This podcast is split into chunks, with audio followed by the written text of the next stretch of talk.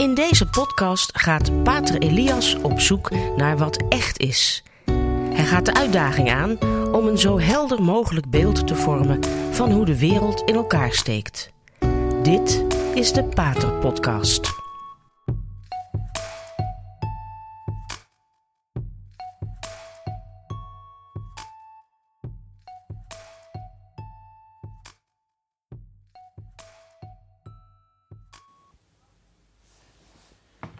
Gisteren, 4 oktober, is officieel in Rome de synode over synodaliteit begonnen.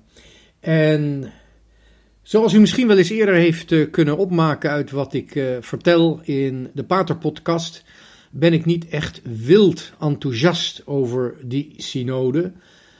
Niet in positieve zin, maar eigenlijk zelfs niet in negatieve zin. Dat wil zeggen, ik ben er niet enthousiast over in uh, wat betreft de redenen, wat betreft de uitwerkingen, uh, wat betreft de zin ervan en zeker niet wat betreft mijn hoop op de toekomst.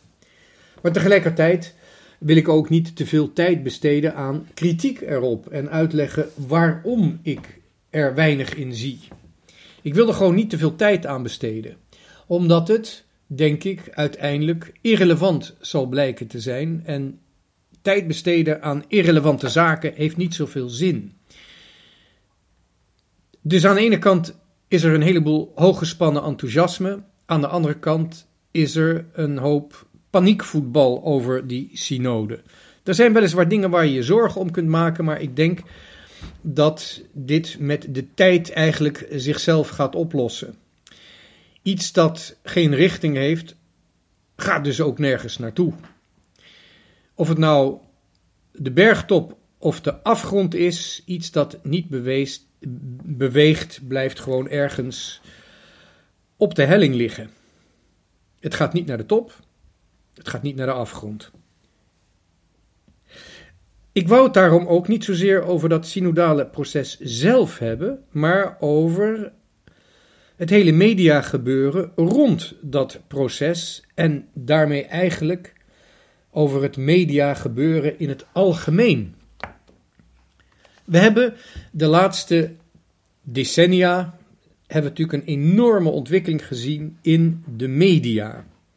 Dat wil zeggen, communicatiemedia die ons informatie geven over bepaalde zaken, waardoor we meer te weten komen.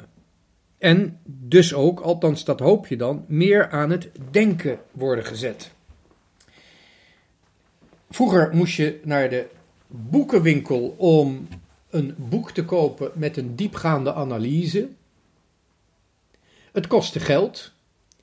En dat geld ging naar mensen die onderzoek hadden gedaan. Maar bij het kopen van het boek stelde je eigenlijk al je vertrouwen op een bepaalde expert. Wat betreft een bepaald beperkt gebied.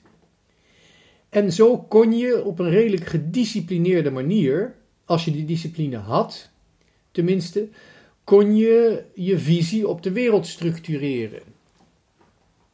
En bijvoorbeeld in politieke zin had je linkse literatuur, je had rechtse literatuur, je had zelfs linkse boekwinkels. De Rode Rat in Utrecht, die heeft nog heel lang bestaan overigens.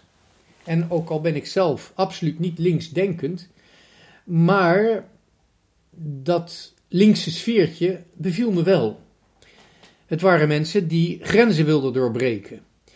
En mensen die verder willen kijken dan de neus lang is en de wereld willen verbeteren en willen veranderen en niet conformistisch zijn, dat heeft me altijd plezier gemaakt, heeft me plezier gegeven om daarmee om te gaan. Hoe dan ook, de rode rat is failliet, het bestaat niet meer. Ehm, en boeken überhaupt zijn erg moeilijk te verkopen. Waarom? Omdat de mensen internet hebben. Het gaat allemaal heel snel. En we hebben natuurlijk ook, na de boeken kregen we de radio. Na de radio kregen we de televisie. En het gekke is, hoe meer informatie er kwam, hoe sneller die informatie zich ook verplaatste over de wereld. Het ging dus allemaal snel En het was heel veel. De merkwaardige ontwikkeling die we hebben doorgemaakt is dat, ondanks het feit dat er zoveel informatie is en dat je ook de dag nadat er iets gebeurt het te weten komt, dat de mens eigenlijk helemaal niet zijn blik heeft verruimd. Wat mij opvalt in onze tijd, is dat de mens allereerst veel minder contact heeft met zijn eigen omgeving, zijn eigen dorp, zijn eigen wijk. Maar ook dat wat de wereldvisie betreft, de mensen ook eigenlijk in een soort van nauwe ruimte terecht zijn gekomen waarin ze alleen maar nemen wat hun wordt aangeboden en door alle logaritmen in internet, door alle mechanismen, krijgen ze alleen maar aangeboden wat ze al geconsumeerd hebben. Als ik drie keer geklikt heb op bijvoorbeeld politieke partij, noem maar wat, VVD, dan krijg ik ook in het vervolg alleen maar dingen aangeboden die met de VVD te maken hebben. En zo is het heel merkwaardig dat in die zondvloed, en het heeft niks met zonde te maken, het kan met zonde te maken hebben, laten we het gewoon maar noemen, infovloed, die enorme info-overvloed, dat daardoor de mensen vaak in een heel individualistisch en daarmee ook egoïstisch echokamertje terecht zijn gekomen, waarin ze eigenlijk een hele vernauwde blik op de wereld hebben. Dat is heel vreemd. Het is net alsof we zijn gestapt van de tijd waarin je drie soorten yoghurt had: zoete yoghurt, natuurlijke yoghurt en fruityoghurt. Nou, daar kon je uit kiezen, je wisselde af. En nu hebben we honderd verschillende yoghurtjes. En die keuze is zo groot geworden dat we eigenlijk alleen nog maar één yoghurtje als favoriet yoghurtje nemen. En dat eten we dan altijd. En datzelfde geldt, hetzelfde geldt een beetje met deze informatieovervloed. De mens leeft vaak in een eigen echokamertje en selecteert dus alleen maar de dingen die hij al eens gehoord heeft. Dat heb ik bijvoorbeeld zelf een keer meegemaakt, die ervaring, dat ik een lezing moest houden bij een pro-life beweging over, uh, over pro-life. En dat waren allemaal mensen die echt wel goede dingen deden, die bezig waren met uh, pro-life. Protesteerden, petities maakten. Het is al heel lang geleden. Maar toch bekroop me een gevoel, want ik had het gevoel alsof er allemaal mensen, overigens allemaal wat van oudere leeftijd, ze waren allemaal van boven mijn generatie, niet zozeer nieuwe informatie kregen of nieuwe motivatie, inspiratie van mij zochten, maar eigenlijk alleen maar zaten te verifiëren of ik ook tegen abortus was, of ik het met hen eens was. En dat is natuurlijk niet de moeite waard om daarvoor een reis te maken, om een lezing te komen geven. Of überhaupt naar een lezing te luisteren. Als je alleen maar bevestiging wilt van alles wat je al wist en wat je al begrepen had, dan kun je beter je in de stilte terugtrekken, niets zeggen en alleen maar proberen te luisteren naar God. En van daaruit te luisteren naar andere mensen die eventueel vragen hebben en ze helpen om ook te begrijpen wat je al begrepen hebt. Of misschien iets nieuws te ontdekken uit de vragen van die mensen. Of uit de antwoorden van de mensen. Het is heel vreemd, maar wanneer je alleen maar een verhaal houdt voor mensen, ziet je te, men, eh, een verhaal houdt voor mensen die zitten te controleren of je zegt wat zij al weten, of jij begrijpt wat zij al begrijpen, of je in hun echokamer zit, dat is buitengewoon vermoeiend. Je zou bijna kunnen zeggen dat het getuigt van wat de psychiaters een persoonlijkheidsstoornis noemen. Helaas, door die overvloed aan media, aan info, zitten een heleboel mensen in een echokamer waar ze in feite een verstoorde persoonlijkheid krijgen. Er wordt niet meer echt gecommuniceerd.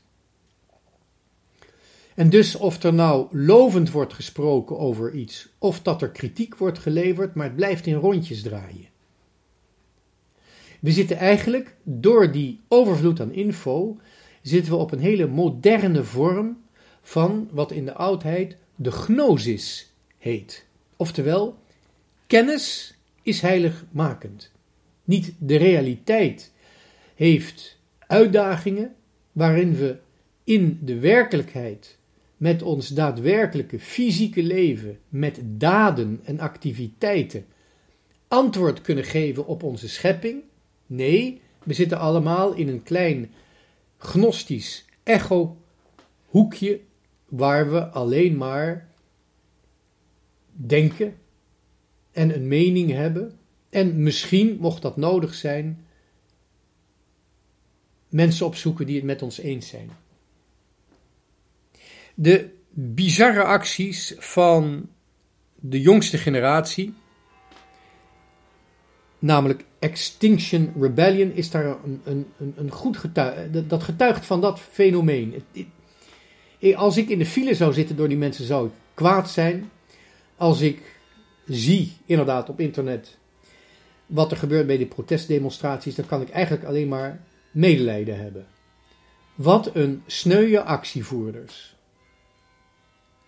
Ze leven in een maatschappij waarvan ze niet meer weten waar de welwaart vandaan komt. Wanneer zij problemen zien, dan vraag ik me af, wat gaan zij er zelf aan doen? Ze zijn helemaal door een virtuele kennis in paniek geraakt. Ze zouden zelf eens wat ruw werk moeten gaan leveren met materie, of het nou muren metselen is, of een schip volladen met kolen. Ze zou eens iets moeten gaan presteren, ook al is het maar op het sportveld. En bestuderen waar een dolgedraaide welvaart vandaan komt. Dat komt namelijk niet van mensen die op weg zijn naar hun werk met de auto.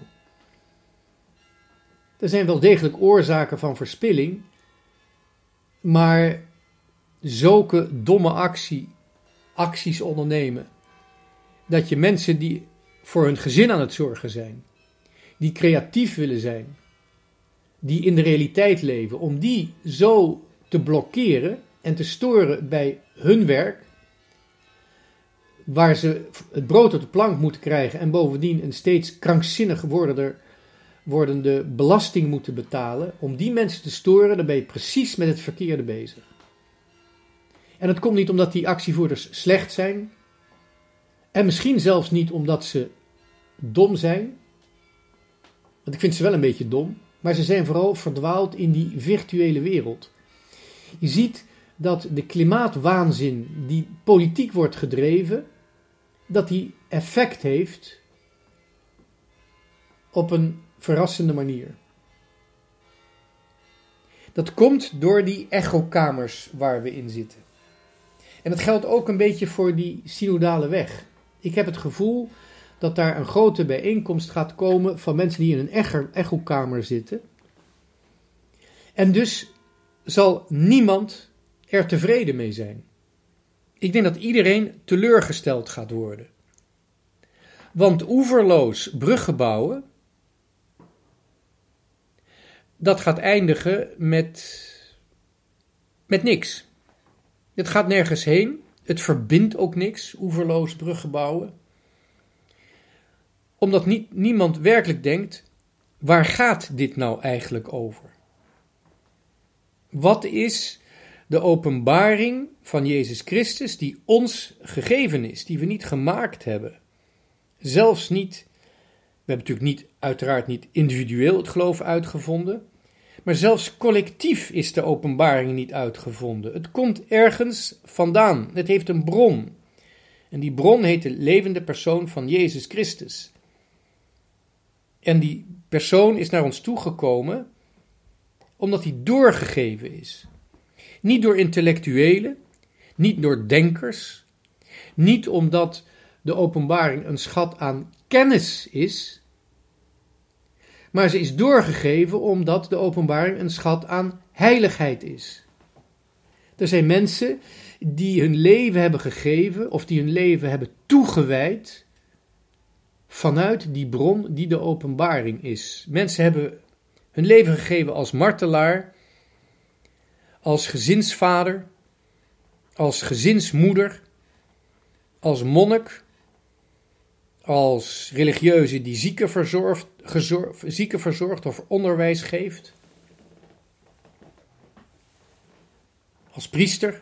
En we ook niet vergeten hoeveel orders zijn er niet geweest van mannen waarin mannen bewust niet het priesterschap kozen om niet door die toch nog redelijk prestigieuze taak, het was ooit een prestige om priester te zijn, het was status, om die status op te offeren om alleen maar als niet-priester, maar wel broeder, actief te zijn voor het onderwijs, voor de zieken, voor de gehandicapten, om precies als de zusters die daar eeuwenlang mee bezig zijn geweest, zich helemaal te wijden aan het verbeteren van de wereld vanuit niet de paniek over het klimaat, maar vanuit de hoop van de verrijzenis. Van het lijden en sterven en de verrijzenis van Jezus Christus. De schat van de kerk heeft niks met kennis te maken. Kennis speelt een rol, maar ze staat ten dienste van de heiligheid, van de liefde. En dus alleen maar praten, of het nou synodaal is, of conciliair, of hoe je het ook noemt, daar kun je het geloof niet mee vernieuwen, laat staan opnieuw uitvinden. Het is belangrijk dat we, wanneer we werkelijk willen communiceren, dat we de realiteit opzoeken, de werkelijkheid. Want een heleboel mensen, de laatste decennia, zijn de kerk uitgevlucht, juist omdat het eigenlijk niet meer over concrete zaken ging, over het gezin, over het werk. Maar het werd steeds theoretischer, het werden ideeën. Meneer Pastoor zei dingen die niet zoveel meer met de werkelijkheid te maken hadden. En dan ga je natuurlijk je heil, of het nou met een grote of een kleine H is, je heil ga je elders zoeken. Het is goed om, wanneer we geloven of het geloof willen door te geven, om met beide benen op de grond te staan en het hart in de hemel en de blik op de hemel gericht te hebben. Dat is misschien het gekke van ons geloofsleven. We staan met de voeten op de grond en daardoor kunnen we best nog wel eens wat vuil aan onze voeten krijgen. Maar ons hart heeft al deel aan de hemel en onze blik is gericht op de hemel, die wat onze ogen betreft, wat het licht betreft, nog heel ver weg lijkt. Maar ons hart heeft al deel aan de wereld als we God in ons hart toelaten. Als we Christus in ons hart toelaten, dan richt Hij onze blik op die hemelse Vader, op zijn hemelse moeder. Die brengt die nabij. En dan kunnen we inderdaad in deze wereld rondlopen, rondwandelen, zoals het evangelie dat noemt, om Gods werk te volbrengen, om de werken van Gods wijsheid te volbrengen, om altijd de eenheid, de, veren, de eenwording met de bron van alle leven te verdiepen, te versterken, intenser te maken. Dat is het mooie van ons geloof dat het geloof is van het vlees geworden woord. En niet van de gnoze, van de kennis. En dus ook niet van het alleen maar praten over kennis. We beginnen met luisteren, maar de eerste waar we naar luisteren, dat, het spijt me, dat is niet onze medemens. We leren wel praten van onze medemens. Ik hoop dat we ook leren nadenken door onze medemensen. Maar we zullen zelf moeten willen denken. En daarom moeten we beginnen met het luisteren naar God. Als we daarvoor de stilte nemen, dan gaat God ons ook wijzen waar we naartoe moeten. We zijn de religie van de openbaring van Jezus Christus, het vlees geworden woord. Niet van de kennis. En dat besef kan ons bevrijden uit die echokamer waarin we onszelf opsluiten. De echokamer waarin waarheid is vervangen door onze eigen mening. Waarin we niet meer denken aan het vlees, waarin het woord tot ons is gekomen en de sterfelijkheid die het woord heeft gebruikt om terug te keren naar de Vader.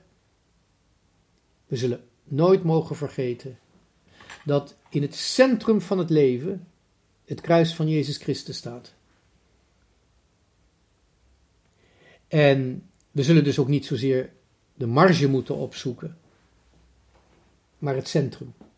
Het centrum van de wereld, waarin sinds de verrijzenis het kruis van Christus staat. In het centrum van deze wereld is ook het graf waarin niemand meer ligt. Maar voordat we dat graf ontdekken, het lege graf, moeten we eerst uit het graf komen waarin we onszelf levend hebben begraven. De echokamer van meningen, van digitale info, waarvan we niet meer weten waartoe ze dient. We weten niet meer waar ze vandaan komt, we weten niet meer waar ze heen gaat. En daardoor neemt ze ons in beslag. De afgoderij van de kennis, met name de digitale kennis, wordt een gevangenschap. En het is Christus, zijn openbaring, zijn lijden, die ons kunnen bevrijden uit die echokamer van onze meningen, waar we alleen maar minder vrij en steeds angstiger worden. Bedankt voor het luisteren.